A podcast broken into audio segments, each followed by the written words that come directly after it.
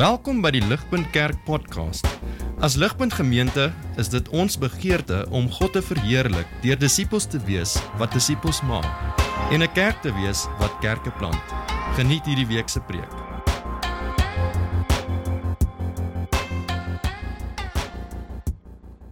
Uh, let me start by telling you a brief story uh, about a dear friend of mine called Ed. Thanks, Hugo. Here he is. Here's my friend Ed. I've known him for a number of years. Uh, Ed is a church leader in the UK. I knew him before he was a church leader. Uh, I, I'd known him for long enough that he once phoned me and said, Ed, I just want to tell you, we've known each other for a long time. I'm starting to tell people what I've kept private up until this point that I am same sex attracted. That is, I am attracted to men. He went on to explain I try not to use the word gay because normally that means a lifestyle. Normally that means a whole bunch of decisions I've made. I've known for a very long time that I'm attracted to other men. I've never been in a relationship with another man. I've no intention of going into a relationship with another man because I am a believer in the orthodox Christian position on sexuality, which is that marriage is exclusively between one man and one woman, and that is where sex belongs. I was so grateful to Ed for telling me that story. I was so grateful for Ed that he felt that I could be a friend who he could trust. We continue to be friends. In one sense, not much has changed. He went on to uh, found an organization called Living Out, thank you, which is seeking to help churches and people understand how we relate on sexuality and gender. So it's in this context, while he's still leading a church and while he still leads this ministry as a team, he and I got sat down. I, by this point, was running Faith in Kids. We were having a coffee together, and he said, You know, there's a strange thing, Ed, I notice, which is more and more, he was telling me, it's confusing when there's two men called Ed. He is being asked to go into churches to talk about how those churches could welcome in people who are same sex attracted, who can say, You are welcome to come in and hear more of Jesus Christ. He said, But the thing I find I'm telling them is not actually anything to do with sexuality. I'm talking to them about identity. I'm explaining to them what it is to be in the family of God and what it is to not be in the family of God. Exactly what I went through with you this morning. In other words, that Zacchaeus character, the Zacchaeus character can, can come in and hear more of Jesus because we know who we are and we know what Zacchaeus needs. And we know that to become a child of God will lead to change as we more and more understand the things of Jesus. So he said, I'm having to explain to adults that Christianity is about identity. And if we understand what it is to be a child of God, then that helps us understand how we welcome others in. But the funny thing is, Ed, is most adults don't understand this. They think Christianity is about behavior. They think, therefore, that a church should not welcome in people who are the other side of the orthodox ethical gospel line. It occurs to me, Ed, that if only our children understood that Christianity is primarily about identity, then my job would not be needed. We would be able to understand who could be welcomed in. Now, that conversation happened about five years ago, and it led to us at Faith in Kids doing a whole piece of work, producing downloadable resources on identity. Exactly what I was telling you this morning, and if it felt like a children's talk, you now understand why. I've written a book on it for parents. How do we raise our children to understand identity? Because this issue, in the UK at least, is particularly pressing at the moment because it touches on issues of gender, because the Bible has clarity that we are created male and female. That is about identity. And it has issues on sexuality. Has many other issues it touches on, but those are the two of the big cultural touch points that I have come to see are really helped by this. I tell you this story, first of all, just to be clear. There is such a thing as being same sex attracted and a Christian, even a church leader. I've had difficult conversations with people in the UK who think that's not, it, you shouldn't be able to be a church leader if you are same sex attracted. And I've come back and said, but he's done nothing wrong. He fights temptations Do we draw the line at church leaders who are attracted to women of the opposite sex, but who don't act on it? Because there is some similarity in that you could argue we all sit here as sexual sinners. We are all tempted. I found this conversation with Ed extremely helpful. We've continued to talk through it a lot. And there are difficulties, and in this conversation with you, there will be difficulties. Uh, Pun and I talked for a while before I said this would be a good idea, what to study in the afternoon. Because for me, I'm now convinced that there are some issues that I come to in the Bible where I find myself thinking, if I'm honest, I'd rather it wasn't quite like this. It's on those issues where I have to ask myself, then how do we decide what we believe? Uh, I have a gay brother in law.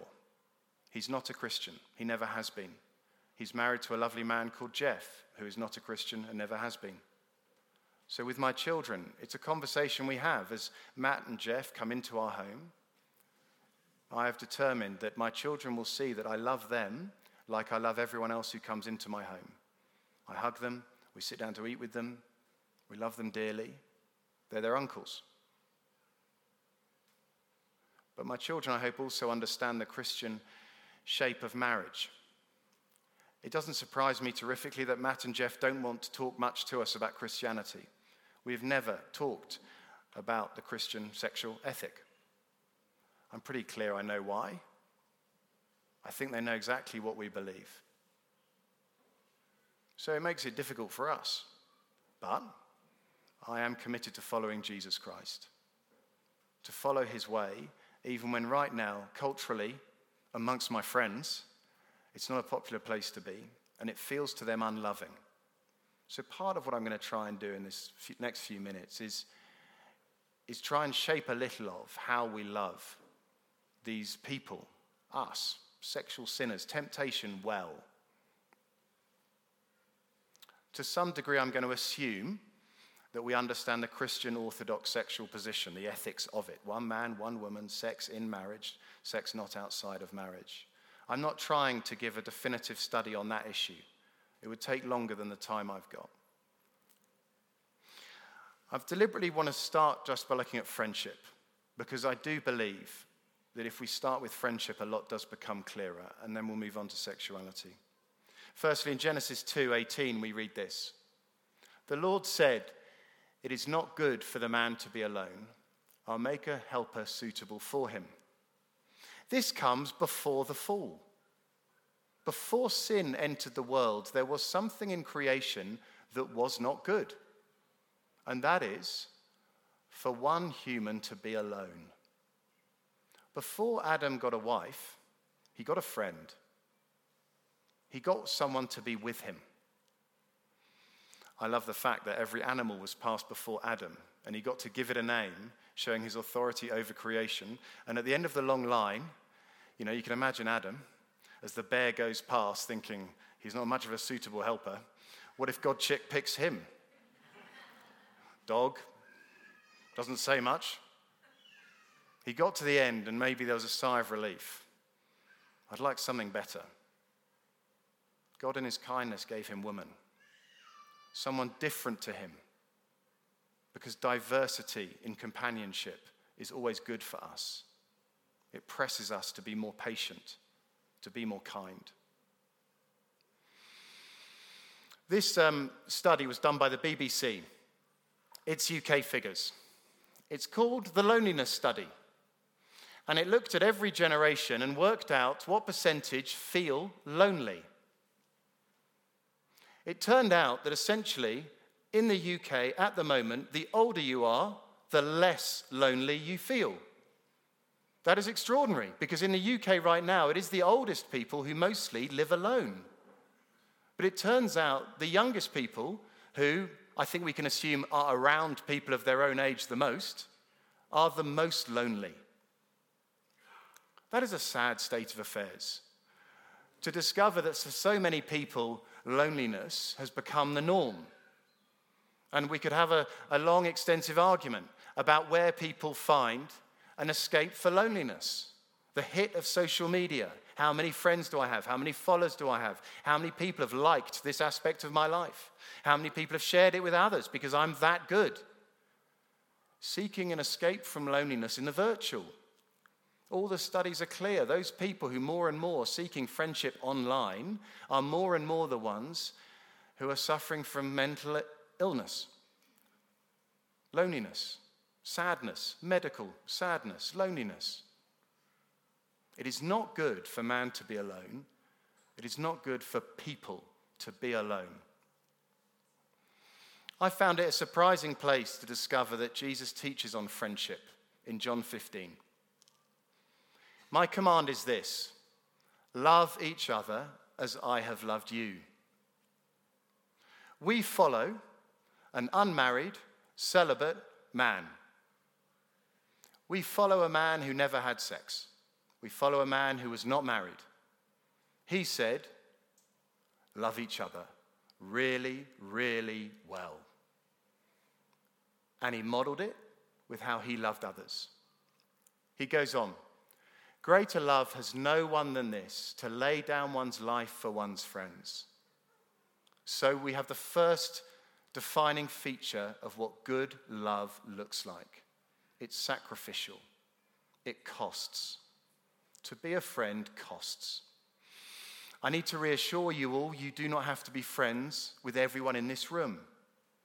Jesus had 12 disciples. In that 12 disciples, he had three really close friends, and in that circle of friends, there were also women. We do not just need to have friends of our own gender, we do not need to have hundreds of friends. It's great to have hundreds in our church because that brings us all kinds of support and care and skills and networks. But studies actually have scientifically shown about six is a good number, but maybe even within that, there's one or two who are the people you pick up the phone to, who are the people you speak to the most who know everything. Jesus said it's going to cost. To have a friend is going to cost. The first sign of how we, Christians, should be doing friendship is it's going to cost.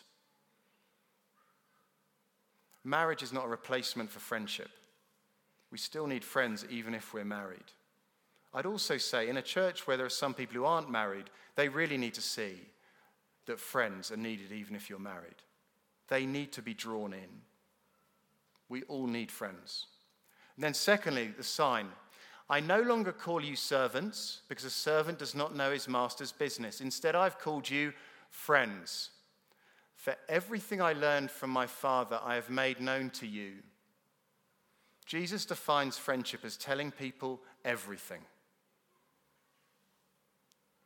He says he told his friends everything A whole bundle of stuff that wasn't written in our Gospels. To have a friend means to tell them everything. The Bible says we all need intimacy, closeness, vulnerability, honesty. We all need friendship. The reason why I think identity helps is it just clarifies because sexuality so quickly becomes the primary identifier. I am gay. For that reason, I don't like Christians. The Bible doesn't place sexuality as a primary identifier of identity. It does say friendship is an identifier of our identity. The Bible says we cannot go through life without good quality friendships. That is a universal truth. So, the first thing to say is the Bible does not say everyone should get married. In fact, in 1 Corinthians 7, there are good reasons why some people should not get married. It is better for some not to be married, it is a choice some should make. Marriage is clearly good. It is the basis of civilization. It is the building block of how God said we are to exist. But it is not necessary for every person. Sex is not necessary for every person. The Bible helps us understand what gives us value, what makes us whole. Sex is not one of the answers to that question. Friendship is. I just want you to turn to your neighbor. Just take a break. You can just ignore my questions. You can just say, Where have we got to again? How does this make sense? The person next to you is going to help you. I'm certain of it. But two suggestions. One is tell a story of good friendship. Just tell one story of where you've had a great friend. Tell one story of where you've been a good friend, if only to say, okay, whatever he may have just said, that's friendship. And secondly, or what is lacking in the friendships you see? Perhaps pick your generation, your friendship group. If you are being critical and helpful, what do you think is lacking in friendships? Turn to your neighbor, take five minutes. Where have we got to? How's it going? Have a chat. Let me just say a few things about sexuality and talk about this a bit more. Um, sexuality, certainly in the UK, is a red hot topic. Uh, it's in our schools, it's in our workplaces, it's on every possible television program, however unrelated you think it might be to sexuality. Seemingly, you can't cook at the moment without talking about sexuality. So I think it is helpful just um, to, to share a few things I found particularly helpful in understanding this and how talking to friends. 1 Corinthians 6 says this Flee from sexual immorality. All other sins a person commits are outside the body, but whoever sins sexually sins against their own body. Do you not know that your bodies are temples of the Holy Spirit who is in you, whom you have received from God? You are not your own. You were bought at a price. Therefore, honor God with your bodies. I don't believe sexuality is in a separate category of sin. I don't believe it's worse than any other sin. I do think there is something about sexual sin that gets to the very heart of who we are. And I do think that's why this topic is so hot, which is to be loved is at the core of who we are, and I do believe that's what the Bible teaches. That's why I wanted to start with friendship. To be loved is a way God has allowed us to know we are valuable. And that is why to not have friends is so very painful. And in our family, amongst our children, we have had seasons where one of our child has said, I have no friends. And it has led to great tears and great upset. And I'm absolutely clear there's an adult version of that. And the BBC says that is widespread in the UK. I feel totally alone. There is a reason why this topic of sexuality is quite so vibrant because it gets to the heart of Am I loved? Even does God allow me to be loved? I've started with friendship to say there is a way we have all been made to be loved. And we have all been made, and our bodies have been made. Wonderfully and fearfully made, Psalm 139 tells us. Our bodies have been made beautifully. They are part of our identity. This passage says sex is to do with our bodies and how to look after them well and how to protect them because the Bible is absolutely clear. Sex is never a physical activity in the same category as having a milkshake or going for a run. To become one in a way that is very hard to understand. Sex brings two people together, and when they're separated, the hurt is extraordinary. Maybe some of us know what that feels like. Maybe in our churches, we're caring for people who've experienced that relational breakdown, which feels like no other hurt. The Bible says it's about your bodies. And you see in this passage, it mixes up the you and your bodies. It's interchangeable, sorry, thanks. All other sins are outside the body. This is your own body. Do you not know that your bodies are temples of the Holy Spirit? It's your body who is in you. We're off the bodies, and it's now the very part of you whom you have received. You are not your own. So suddenly it's not about your bodies, it's about you. Christianity puts your body and you together. That's why it's so sad that some data has said 80% of women, probably a huge number of men, do not like what their bodies look like. 50% says looking at their bodies makes them feel sad. our bodies matter. They matter to who we are, and the Bible says that makes perfect sense. One more touch on this Revelation. I'm just going to show you two passages of Revelation to finish. Revelation pictures the end of time as a wedding. Here are two passages that do that. Hallelujah. For our Lord God Almighty reigns. Let us rejoice and be glad and give him glory, for the wedding of the Lamb has come, and his bride, the church, has made herself ready. Fine linen, bright and clean, was given her to wear. Again, I saw the holy city, the new Jerusalem, coming down out of heaven from God, prepared as a bride, beautifully dressed for her husband. The end of time, glory is pictured as a marriage between Christ, the groom, and the church, the bride. We are made for longing for that day. The Bible's account, and you can see it in the Song of Songs, is that our sexual longings help us to understand what we are waiting for in glory. Sexual longings are never therefore wasted.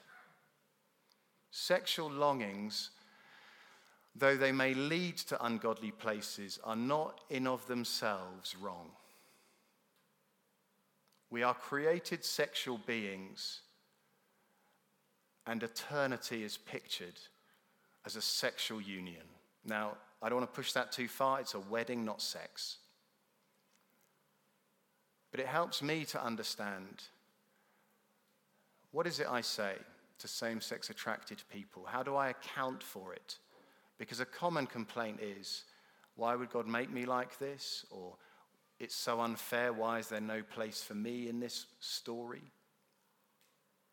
And on that, before we just turn to one another, this is the most helpful thing I have found in talking to others about this. Bear with me, it's a bit complicated.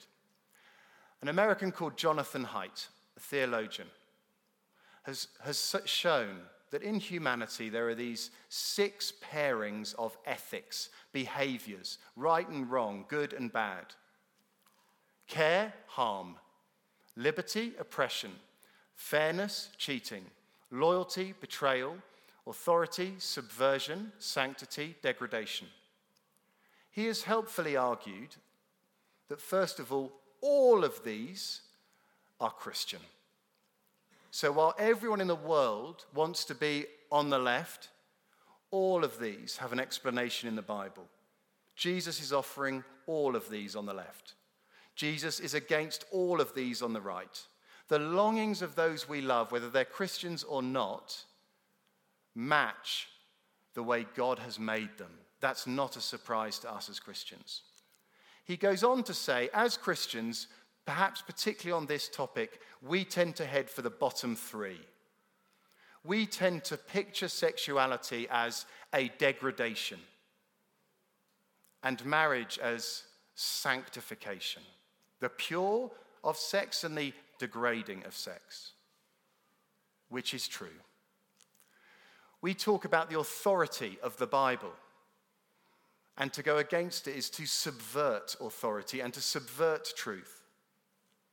And we also talk about the loyalty to God. If we love Him, we will obey Him. If we trust Him, we'll stick with Him.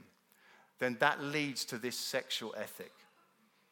He just goes on to say, our culture is focusing on the top three. Our culture is letting go of the idea of authority. Our culture is letting go of the idea of degradation or sanctity. Our culture wants care and not harm. Our culture wants freedom, not slavery.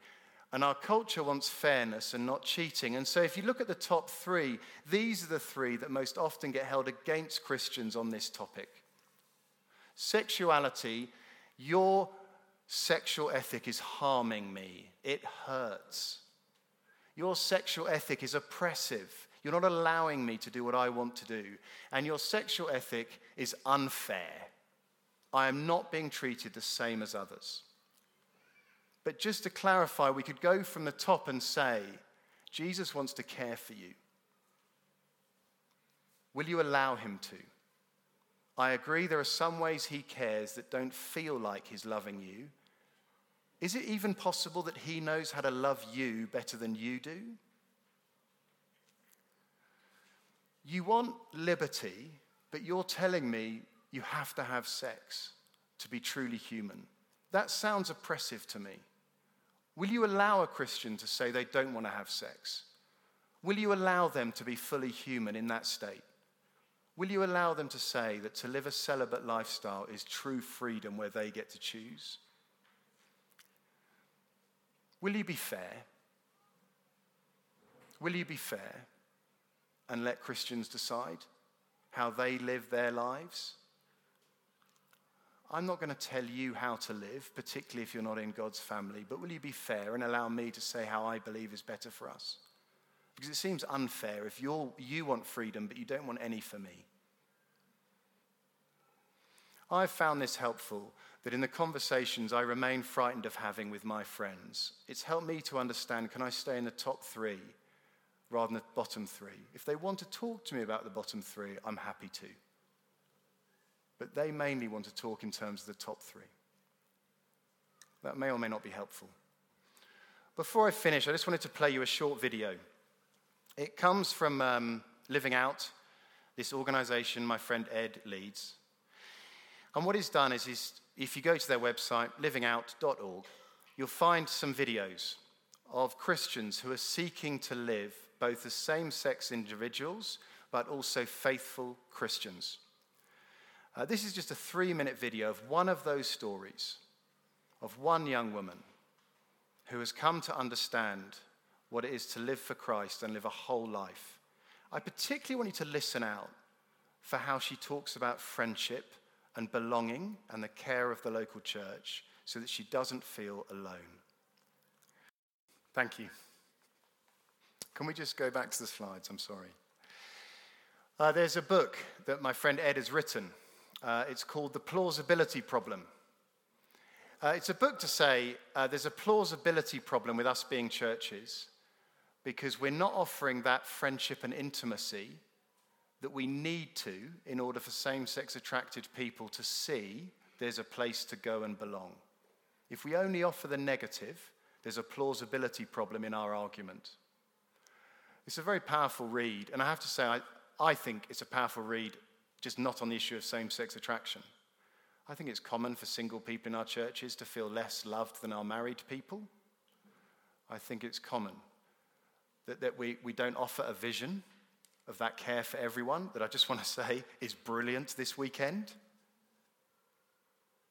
If we wanted an illustration of what friendship can look like that is plausible to the outsider, I hope they would come and say, What I see at your weekend away allows me to understand how I could have community, how I could be loved, and how I could belong.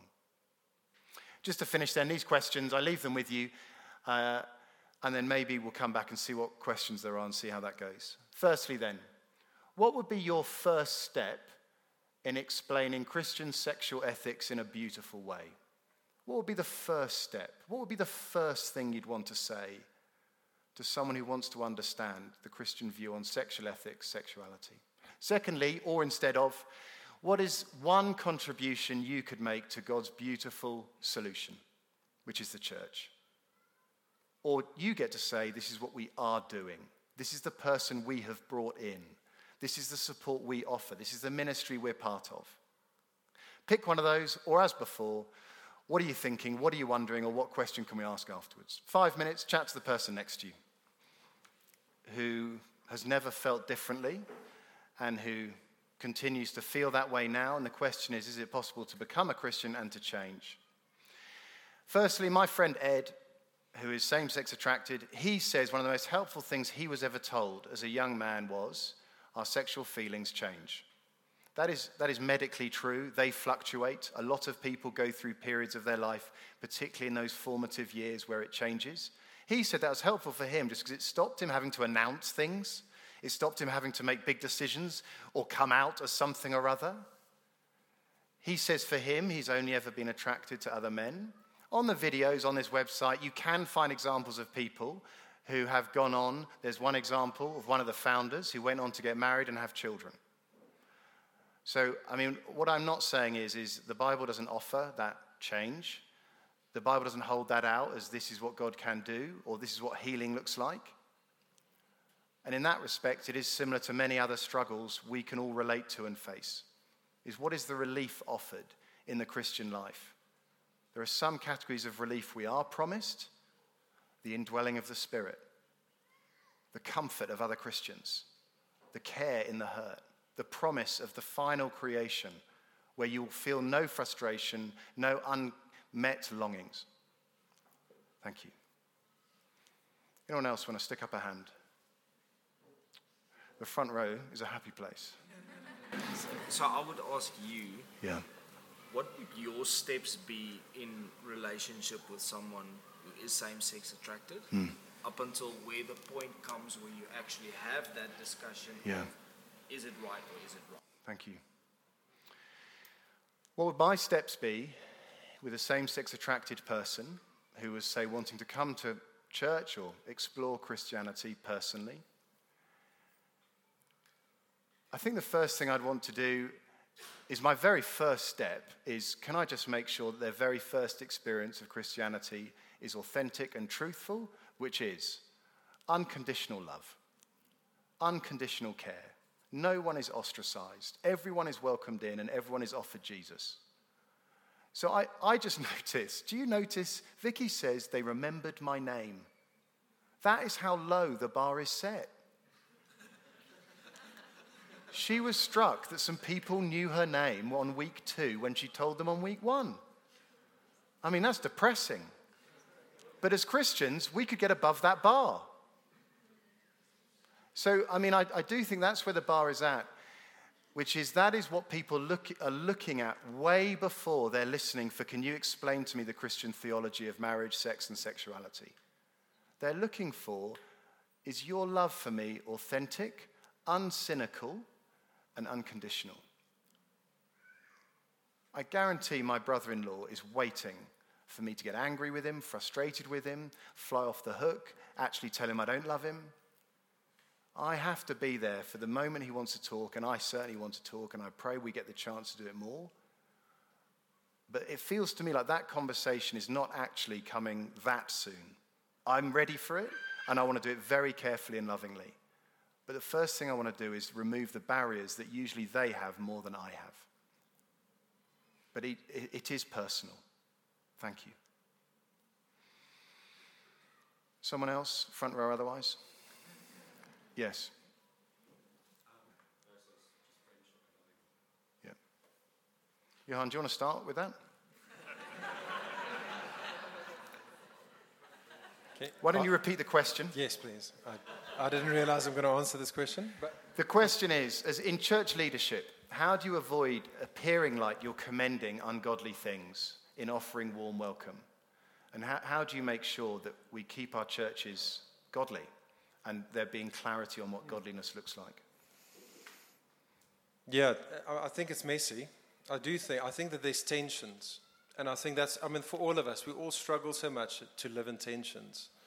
And so I think there must be a way, ple- I hope I don't go against anything that you said, but I think there must be ways for us to, to live in that tension because there's lots of things that the, that the Bible say, and especially of the church as well as of what is expected in our Christian witness. And so, so for one, I think that is why it is helpful to be in a church community where we uh, believe the Bible and want to preach the Bible. So to have clarity in terms of what does God's word say, and a wonderful thing in a church community, also where we believe in expository preaching, is we we we don't have the luxury of avoiding certain topics because we don't decide what we preach the next week. The next passage will decide that. And so there is a sense in which I think you can have clarity, be that from your pulpit or your elders or your home group leaders, in terms of this is what we believe. This is what we believe is not only uh, what the creator of the universe tells us is um, right and wrong, but what we believe is the good life for everyone. And we can have clarity on that. And I think most people, if they've been in our midst, even probably before they ca- came through our doors the first Sunday, already have, in a sense, clarity on that. And we can say that, and I think we can say that in a, in a humble confidence, in a way that this is what we really believe and we think this is good, but there's a way that you can say that that isn't. Um, so I think that I think that's necessary. Um, I'm not sure if I'm necessarily answering your, your question straight away.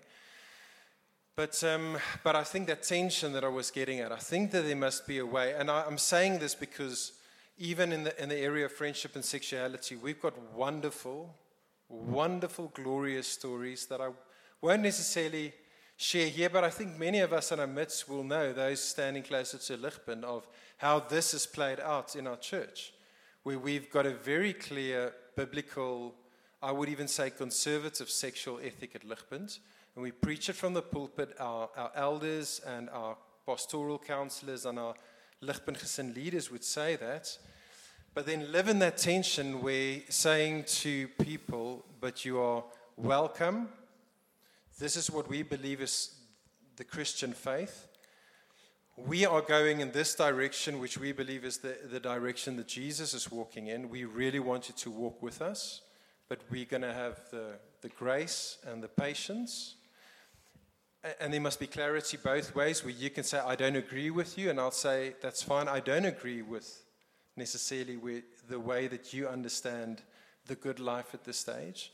But as long as you're willing to walk with us, and we are walking in this direction, you're welcome.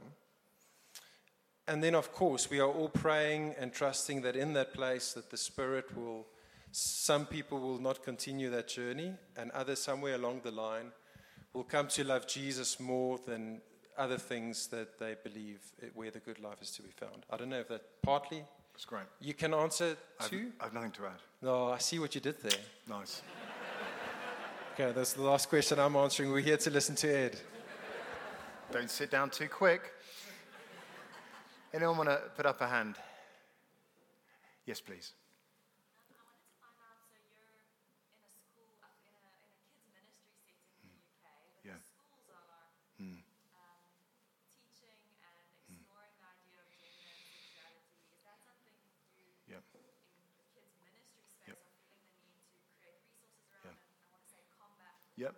Yep. The question is, is uh, for us personally at Faith in Kids, uh, where more and more this is in our in our schools and even with our under 11s, is this something we're trying to uh, help with? The answer is absolutely yes. Uh, we've produced a podcast for, for, for three years fortnightly. So I, I don't know what that is. That 75 podcasts. Our top five podcasts ever, the most listened to. The first one is on sexuality. Uh, the second one is talking about sex with your children. The third one is about bodies. And the fourth one is about boys and girls and how they're parented. The fifth one is about Halloween. so, four out of five of the things parents most want help with is the messy body, sex, sexuality stuff. What's even more interesting is when we do those podcasts, no one shares them on social media. Silence. We have a trustee, three different people said, You need to listen to this podcast on sexuality. It's amazing. Everyone is recommending it, everyone is talking about it, no one wants to talk about it out loud. So, what we're noticing is parents want a huge amount of help because no parent wants to suddenly be the parent in the playground who's on the wrong side of everyone else. I would also say, as I talk to schools, they are mostly very scared of getting it wrong too. So, you know, they, they feel under the pressure. Schools in the UK have really become what the church used to be, which is the center of community energy. So, a head teacher is under enormous pressure to be satisfying everyone.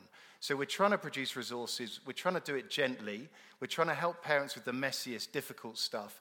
I'd also say we're trying to just remind parents if you, your child comes back from school with, you know, I'm bisexual, mum, because I've had this lesson today and I'm nine years old, which those stories are happening, before you pick up the phone and before you get incredibly angry, have a great conversation with your child. Your child is the priority here. They've come to you with openness. Make sure they always come to you with openness. And then ask for a lovely conversation with the head or the teacher and just say, Can we just talk? Could you just explain what was taught? Can you just explain where this fits with the curriculum? And in those situations, so often a head teacher's just eyes are wide open. what, what on earth have we done and how on earth has this happened? Because everyone is agreed there's no need to be talking about sexuality with children way before they've gone through puberty. Because puberty is the beginning of sexual feelings. Some same sex attracted people, like some of us here, knew who we fancied before we went through puberty. Our schools don't really need to be teaching it, and, our, and the heads of our schools get that.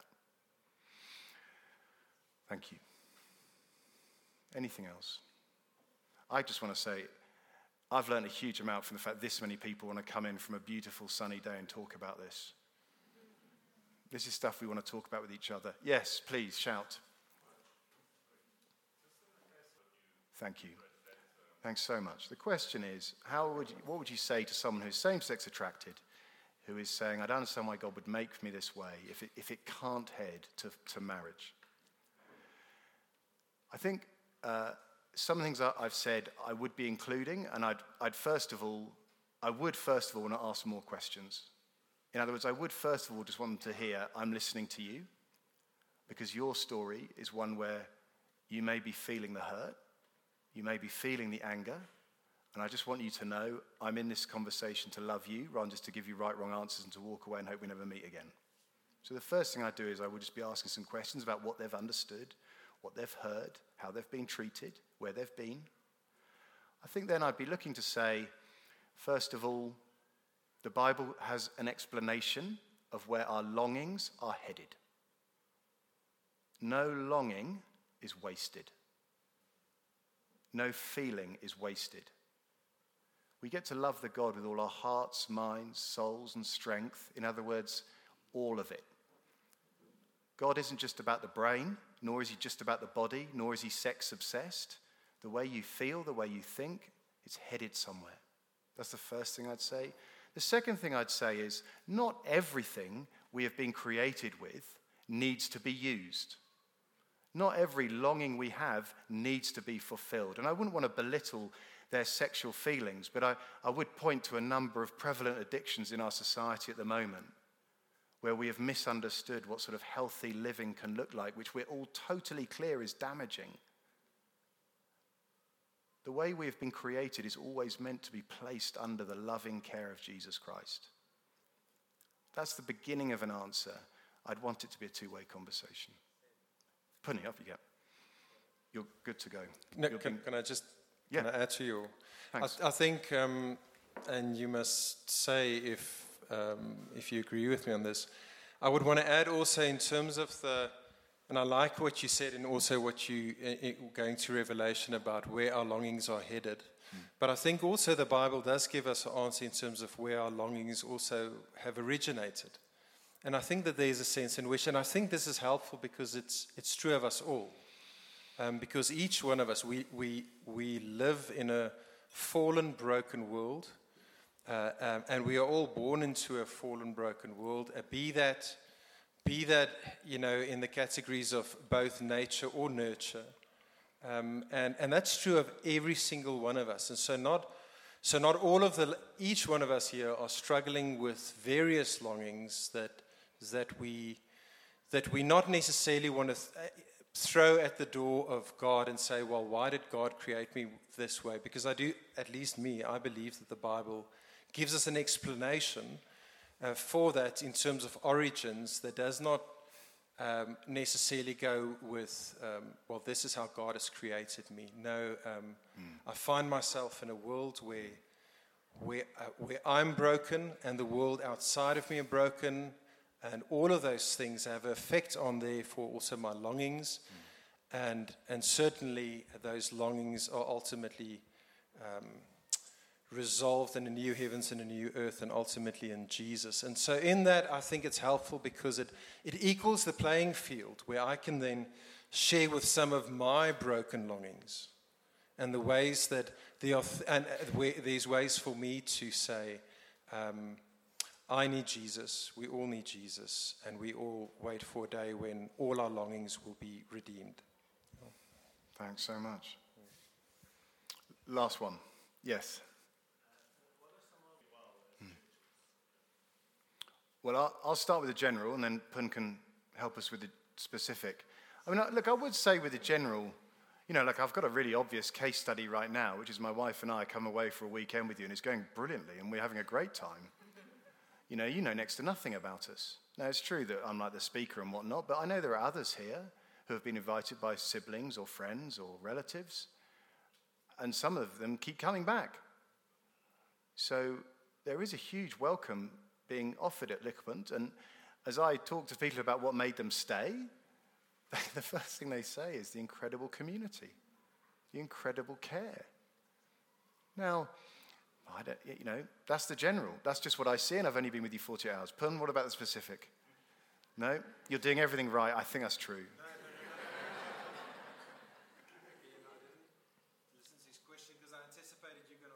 Okay. Okay. But, I mean, I, th- I think clearly there is just one, there's just one check step where we each get to ask ourselves, who, if they walked into our church, would I find it hard to welcome? I think we each get to privately wonder that out loud. What would someone need to do, have done?